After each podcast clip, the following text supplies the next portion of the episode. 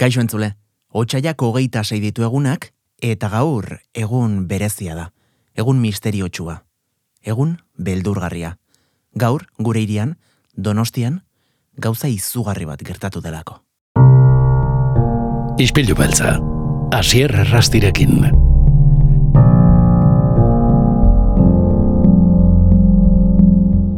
Egun beldurgarria da, gaur donostian, donostiako zurriola ondartzan, izaki ez ezagun bat agertu delako. Xabier Etxeberria, oierra rantzabal, ongi etorri. Zirrara garria esango nuke, eh? Bai, nire beldurtuta, ez, ez dakiz animali den hori, baina polita da. Ez jakintasuna gatik handa, beldurtuta ez dagoela. bueno. Behintzat sortu du, eh? Arrabotsa gaur goizeko albisteak gure irian, ez dakit zer da gaur zurriola kondartzara iritsi den izaki hau. Baldakizue? Bueno, lehen da biziko, eh, bueno, autopsiaz, lehen da biziko ikerketek, eh, akoremeko laurategira eraman da izakia, ba, bi metro pasatxo luze, zableran metro bat eta piko baita ere, bi e, hilara e, letagin zorrotz. E, Bai, bai hasieran uste zen zefalopodo bat zela, baina gero ikusi da ezetz, ez dela, eta, eta pixka bat gehiago arakatuta jakin dute zientzialariek olobionte baten aurrean gaudela. Olobiontea, zer da hori xabi? Bueno, holobientea e, hitza berra da pixeta arrotza geratzen da, simbiontea o simbiosia ezagunagoa da. Bai, simbiosia ez, eh, gehiago ezautzen dugu, simbiosia da, hor daude, eh, animalien arteko, eh, animali edo alga edo lan- landaren arteko harremanak, katalogatzen dira beraien arteko, eh, bueno, eh, harremanaren arabera.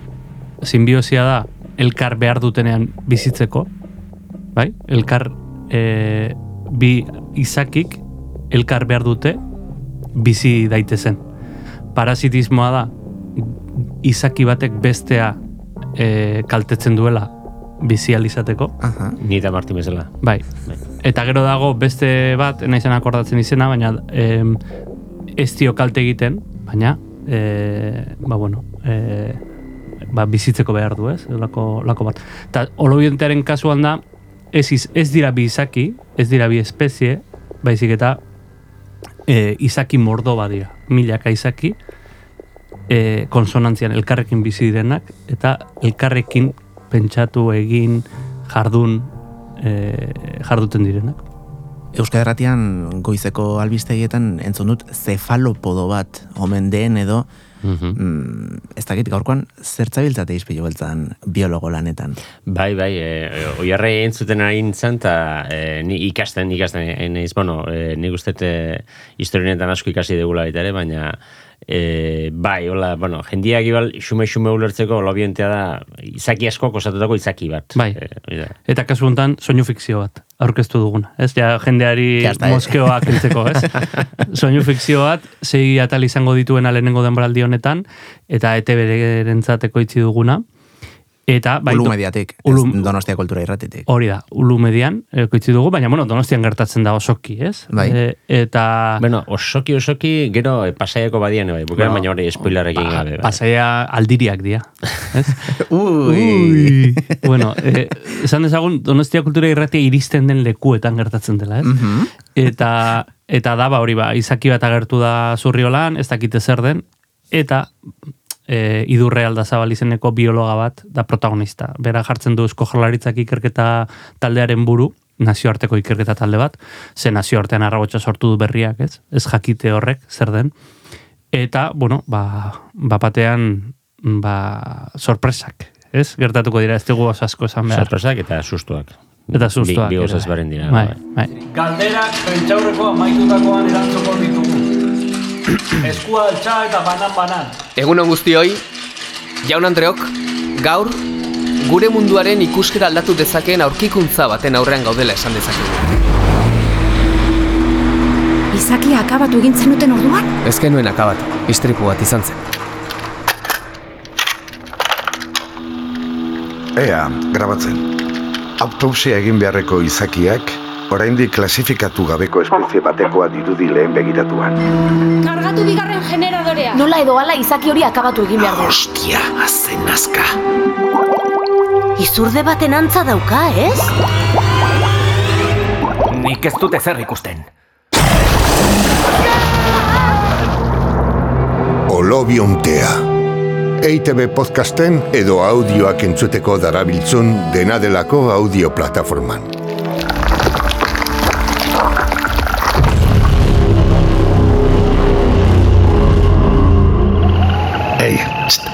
Entzun hori. Ulu Media. Thriller psikologiko moduan, ez da? E, katalogatu ganezake. Bueno, psikologiko baino, e, zientzia fikziozko thriller baten moduan Bai. esango nuke, bai. Nik eh, aurkezpena egin gendu nian eh, akorimen, eh, lehenko hastian, ba, komentatu nun, eh, uste, eh, TV-ko saio batean komentatu nun, Amerikana da bat dala, baina Amerikana da eh, zentzu honian, Amerikanuak ondo egitu dituzten eh, moduko ba, thriller, eh, zientzia fikziozko, ak- akziozko eh, historia da. Mhm. Asiatikan eh, erritmo biziakin eh, doana, eta olobienteak nola, ba, guk ere harrapatu nahi dugu baita ere entzulea eh, trama horretan. Bai. Soinuak ematen dituen erramentekin, ez? Azken batean, e, bai, ko- komikian bezala, ez? Edo novelan ere, baina e, esango nuke komikian gehiago landu direla genero hauek. E, soinuak ere aukera ematen du monstro bat sortzeko, ez? Eta eta monstro horri e, ba, bueno, soinu bat eman, e, dimentsio bat eman, beldurgarri tasun bat eman. Bai, hori da, be- behar bada, e, ba, antzekotasuna ni literaturatik natorla, Bai. eta komikitek ere bai, e, pixatea, bueno, komikitak ez hainbeste, ze ikusi ite duzu, baina literaturan bai, Osea, zerbait eh, irakurtze duzu, eta gero, ba, irakurreak, ba, bere buruan egiten du irudia, ez? Eta soinu fikzioan, ba, berdina da. Hori da, zu gaubian zaude oean, eta entzute duzu soinu arraro bat, eta pentsatzen az eza, ze ote da hori, ez? Eta ja, ez ba, zure monstruoak e, behar bada imaginatzen, ez? Eta kasu honetan, e, berdin, ba, olebinteoren soinua gerekin, nez erauk deskriben bat emate dugun za historian, bakoitzak bere erara imaginatuko du O- hor- izakia. Hori da eh, Harry Potter bezala, ez? Irakurri Bai, eh, dezuenok Harry Potter, Bai, bai, oso Eh, fansak eranak. Bai. bai, nik denak irakurri nituen, ez? E, eta pelikulara ikusi ostean, ez? E, hor badago disto- disonantzia bat, ez? Imaginatu duzu modu batera, egin duzu irudi bat, imaginatu duzu Harry Potter modu batera, Dumbledore beste batera, eta bar. Eta gero pelikula ikusteak horri kendu egiten dio. Bai, nik uste, aurreko batian hemen, e, aserrek onbidatu gintunian, e, archipelagoa komikia atera itzakian eta en, ba, hori adibidez Durangoko azokan eta sinatzen egon geranien eta archipelagoa komikia batek baino gehiago komentatu e, zigun, e, jo, ba, behak archipelagoan, era batera imaginatu zitula e, pertsonaiak, lekuak, eta gero, ba, komikian, era, ba, bueno, oza, nik uste oso e, e, lan eharra intzula sanbik, baina beste, ba, behar bada zuk imaginatu dezunaz, beste, bestera atera daude. Eta, bueno, ba, bai, hori da, pixar bere magia eta bere prota kontra ditu. Mm, Ia sekula ez genuen soinu fikzio hitza entzun, ez genekien zertzen ere, eta hilabete gutxitan, archipelagoa sekulako arrakasta izan duen e, euskarazko lehen soinu fikzioa amaitu, eta orain, bigarrenarekin zatozte, gainera, itxasoarekin zer ikusia duena, ez dakite fetitxe moduko bat baduzu zuek, egia da Bai, kostaldekoak zaretela, Bai, hori zaten, Joan. Behar bada antzemate da gu ere kostaldekoak gela, e, zaraustara gerala.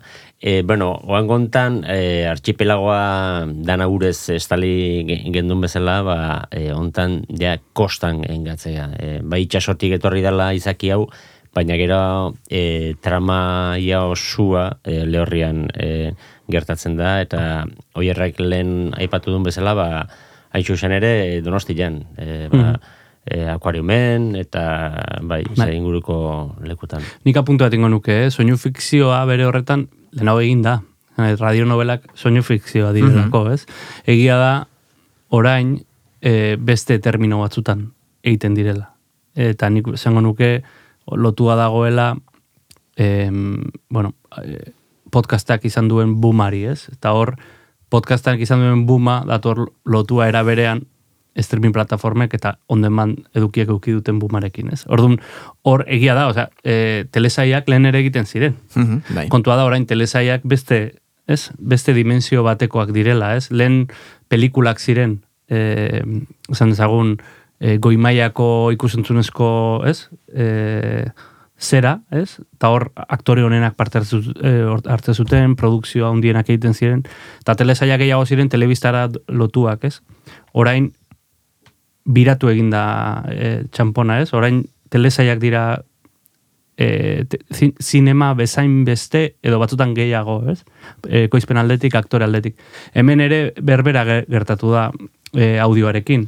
Ba, e, on demand e, plataformekin da on demand edukiekin audioak ere hartu du beste dimentsio bat eta eta soinu fikzioek ere ba, ja bere burua begiratzen dute ba, ikusentzunezko e, ki- e, telesailekin, ez? Eta hor, bai egia da orain e- gure kasuan egin ditugun soinu fikzio hauek, ba direla e, gaizki dago agian gure aldetik esatea, baina faktura handikoak. Faktura handikoak esan nahi dut, jende asko parte hartzen du lantalde handi bat dago atzean, ahots mordo bat dago, e, fase ezberdin asko daude produkzioan, eh?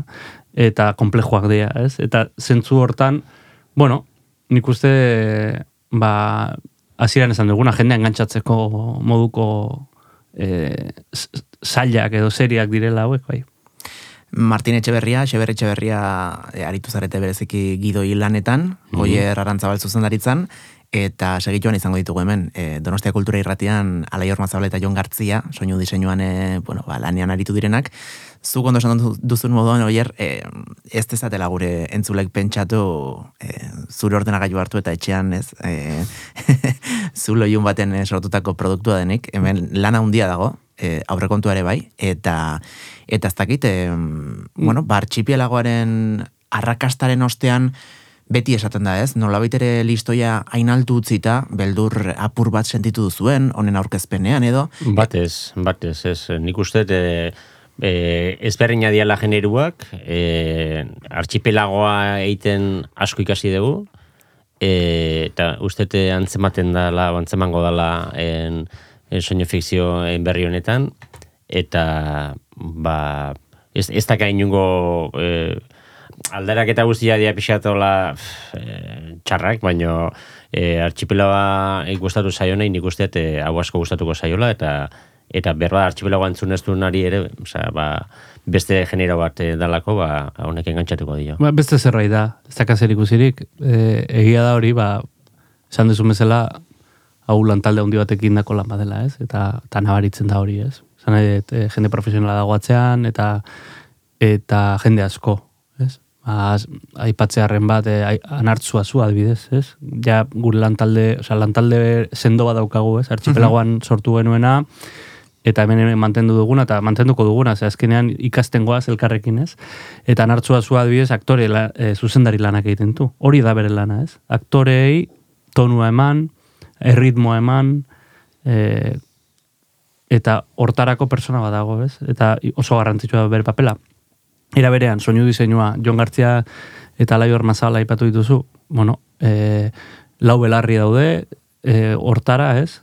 E, espazioak diseinatzera, nola entzuten da zurriola, nola entzuten da akuarium barrua, nola entzuten dugu lobiontea, nola diseinatzen dugu lobiontearen, ez? Nortasun hori.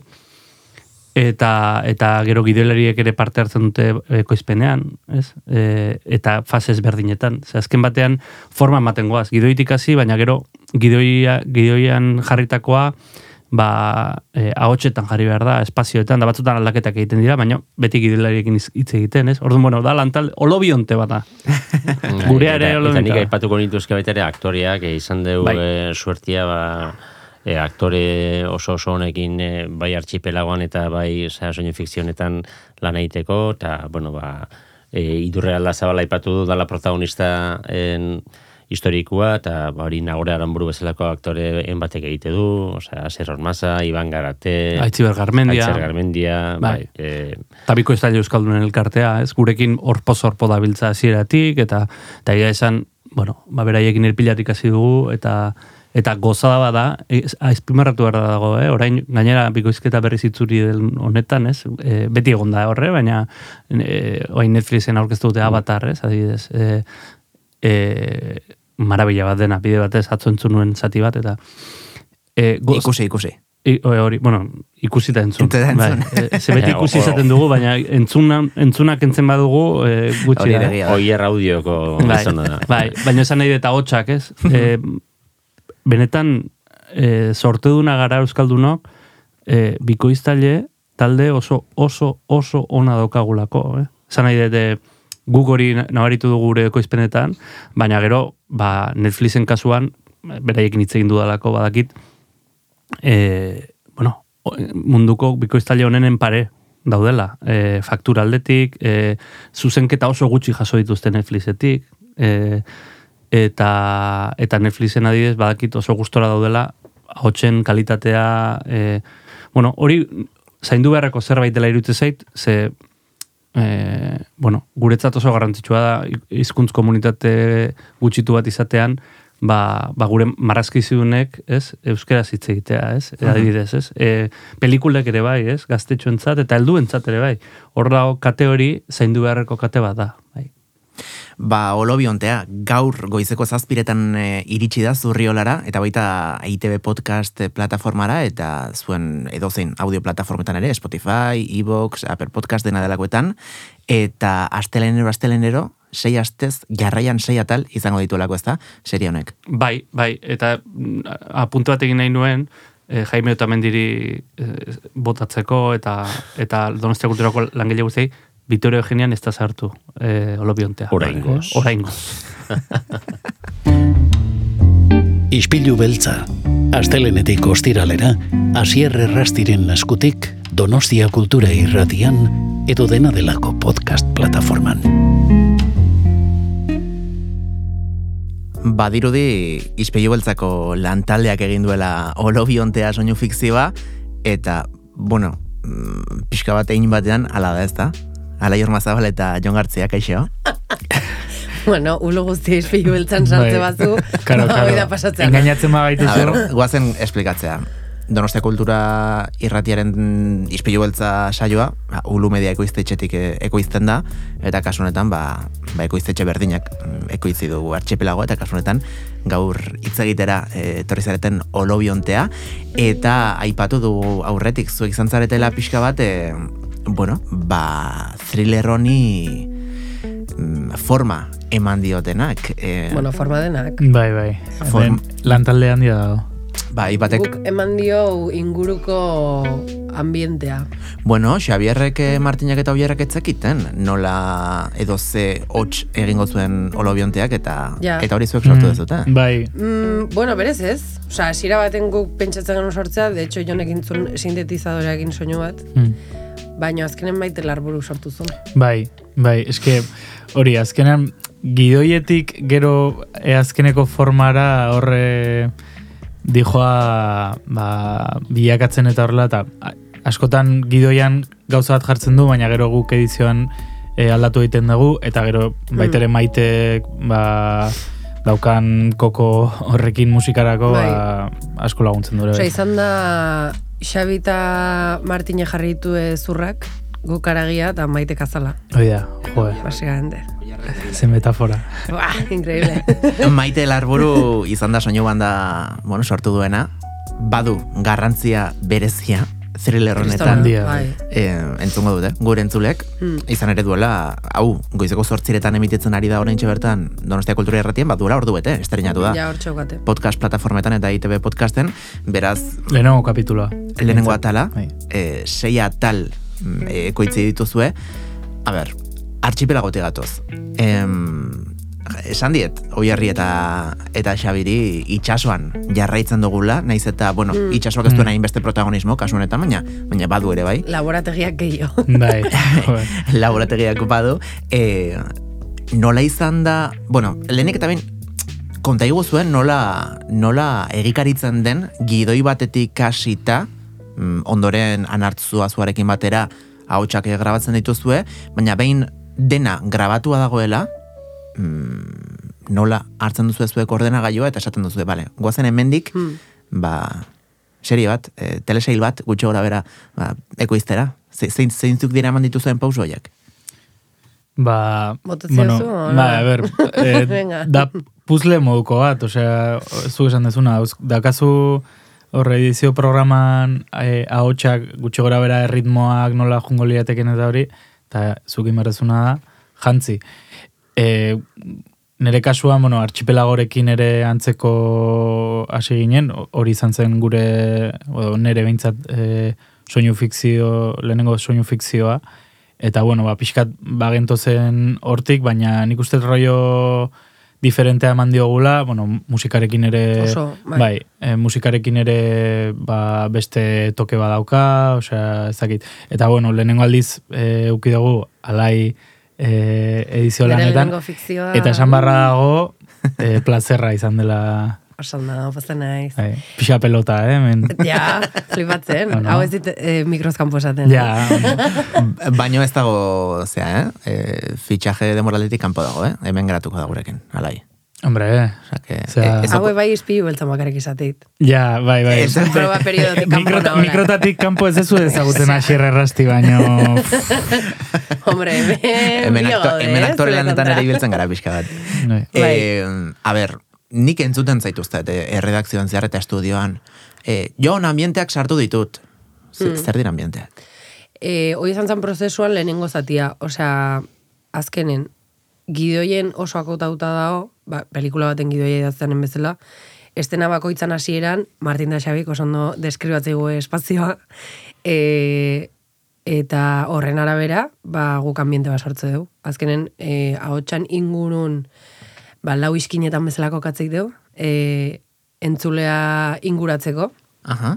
eta espazio hortan kokatzeko, eta badibidez, laborategi baten dago, ba, la- laborategiko ambiente soinu sartze dugu, e, bai, ambiente soinu bakin bakarrik, eta bai, foleiak sartzen badibidez. Ai, e, ez dakit, e, ba, olobientea aztertzen nahi dira, eta tresna soinu gehan baue, ba, tresna soinu sartzitu. Bat, Hori da folei bat. Bai, hoi da. Bai. Osea, Aha. foleia da, pelikula tanta beti, eh, eta lan hauetan bai, e, ba, objetun soinuk eta sortzea. Mhm. Eta Claro, ambientea ja dijoa gehiago kanpotik.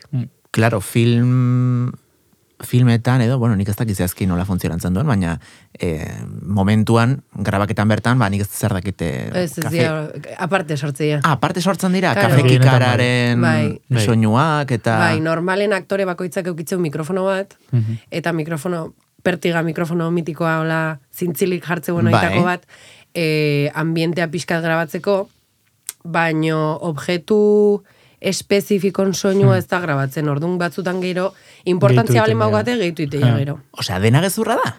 Dena ez. Dena ez, baina Buah. kasu hontan gure kasuan bakarri daukagu ahotsa eta ja. Claro. Osea, horrezin da, horrez da... eh, Batzutan ur trago erreziklatz- bat. Bai, hori bai. Edo, Batzutan galleta ja- puska bat galleta jatea. puska bat, bai. Bokadilloaren Bai. zera egiten. Ba, hori, e, kasu hontan funtzionatu dugu horrela, osea, alai hasi zen, alaiek egin zituen ambienteak, basikamente, eta gero ja jungera pixkanaka kapa gehiago gehitzen, Foleia foleiak, gehitu. efektuak, Jo, kapaz. Moimendua, Mm, movimenduak, hori da, bai. Ez, Eh, azkenean kaskoekin entzuterakoan, ba, e, ba, inguratu sentitzaren sensazio hori Hmm. e, e, egiten dugu, eta... Irureunda irurogei gradutan entzungo Bai. bagenu bezala... Bai. Nik proiektua lehenengo aldiz ikusi nuen horre deitu ziten atentzioa gehiena. Osea, pertsonai bakoitzakin daola lotuta bere... Osea, pertsonai bakoitzak dauka bere ahotsan pista, Aha. e, bere e, foleian pista, orduan pertsonai horrekin dijoazen soinu txiki guztik, ba, karpeta bat hartzeu, e, aulkitik altxatzea. Dana beakin batei joa, eta gero pista guzti horiei moimendua gehitzen zaie. Orduan pertsonaiakin, pertsonaia moitzeanen, bere beakin dijoazen soinu guztik beakin doaz. Mm. Eta guri- eta, eta daukate barkatu, eh? Daukate ere bai e, reverb e, Eta delako bat, e, espazioaren... E, Arabera, bai. Bai, espazioaren ba, akustika e, imitatzen duena. Ez que da, da pasada bat. Son frikada da berez. Wow.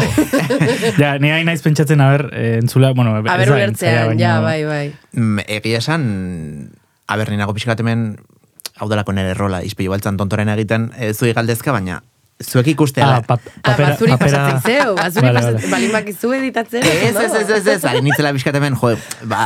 Gero tortze zaigu, eh, eske hau nola, eta, bai. Ez, esate, joe, nolakoa diren, eh? Osea, imaginate hauek egunero egunero aguantatzea. E, ez, esate nuen, anitzela pixka tontoaren egiten, azkenan nik ere tripak ikusi ditutelako nola, Mm. zuek egiten, edo sortu dezuten proiektu guzti hau, eta eska izugarria da nola, gutxi gora bera, jendeak ulertzeko, mm, ikus, eh, ikusleak kasu honetan, ez entzulea, gu gara, eh, daukazute, zuen programa friki horretan, buru bat, eta buru horren inguruan, zuek esaten duzue, Mm. pertsonai bakoitza, non dagoen, nondik nora ari den mugitzen, Mhm. e, eta horretaz gain ere, daukazute, e, bueno, ez dakit plugin baden, programa bat, edo dena delakoa, ere, mm, erreberrak eta Hau da, claro, guk dena orain gordinean grabatzen dugu. E, Soinu e, efektu berarekin, bueno, mikro aurrean jarrita eta listo. Bai. Baina ondoren nola sortzen duzuen hori, ba, ondartza batean e, Mm. egongo balitze protagonista, edo, edo gela, e, oi hartzuna duen gela batean, eta Bai, bai, bai. guzti hori, hori ere gidoian akotatua dijoa, edo zuek zoazte pixka bat testu ingurua sartzen. Ambienteakin imaginatze dugu, Bai. nola izan marko litzaken. Bai. Eta, bai.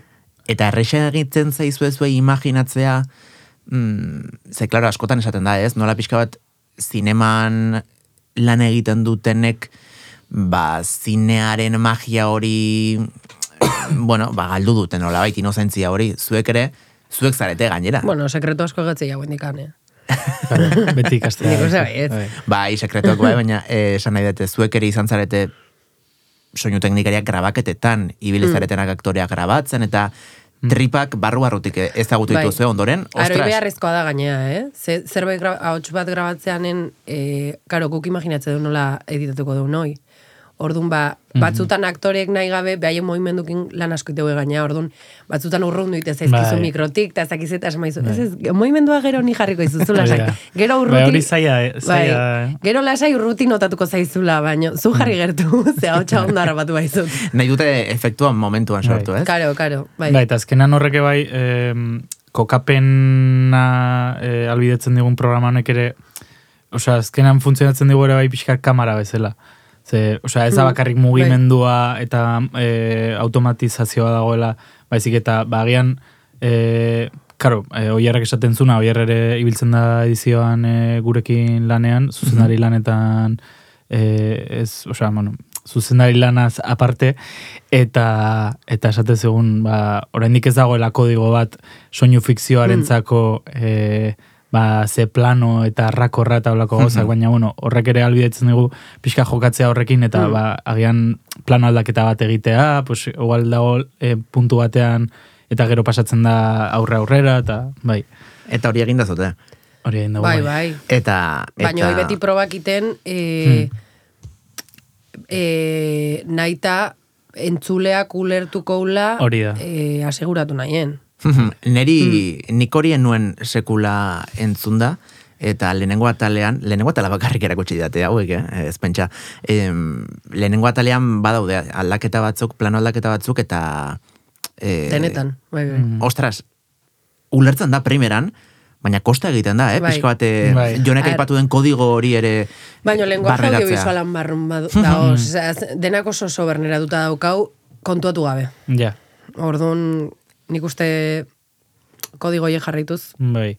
oso horreixa da. Zai- zaila batzutan, eta, osea, nik uste izan barra- bai, nik uste izan barrala ulergarria, eta ere dinamik, dinamismo pixka bat emateko, ze azkenean bakarri daukazu audioa. Baita. Eta, ba hori, foleiek eta efektuek eta musikak eta ematen dizu, baina, bueno, agian ba, konversazio oso luze bat baldin bada, Mm. edo dena delakoa. Erritmoko oso ondo neurtu bai. Bai, hori da. Mm. Eta musika kasuntan bai pilo-pilo lagundu, Bai. nik uste. Bai.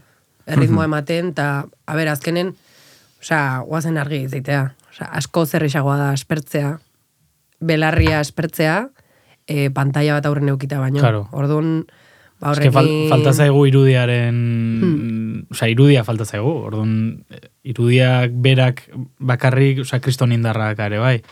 Orduan, bueno, indar hori... Eh, euki behar da. Bai, euki Mm. behar zu soinuan. Eta, kargatu gabe ere, bai, karo. Beraz, bueno, lana egin duzu barra barra, ez dakit, mm, aukera izango dugun bigarren denboraldia, bueno, entzuteko edo ez, bueno, ez, du baietz. ez gara aurreratuko, gaur duela orduete e, estrenatu da, EITB podcasten eta audio plataforma guztietan, olobiontea, atxerekin, eta, bueno, informazio guztia abildua Ulu Media eta Ulu Estudio bueno, ba, kontuetan izango duzu eta hor, bai, mm, proiektu guztienen tripak ere ikusi al izango dituzuela zuen begiekin. Em, agurtu aurretik, Jon eta Lai, bueno, e, badiru dietzera tela bultatuko izpigoltzara. bueno, eta astean behin daukazu, bakoitzak Ja, ja, tarte bat, baina... Ondo Aste- portatu beharko zea gure kolaborazioak mantentzeko. Aste honetan doblete gainera.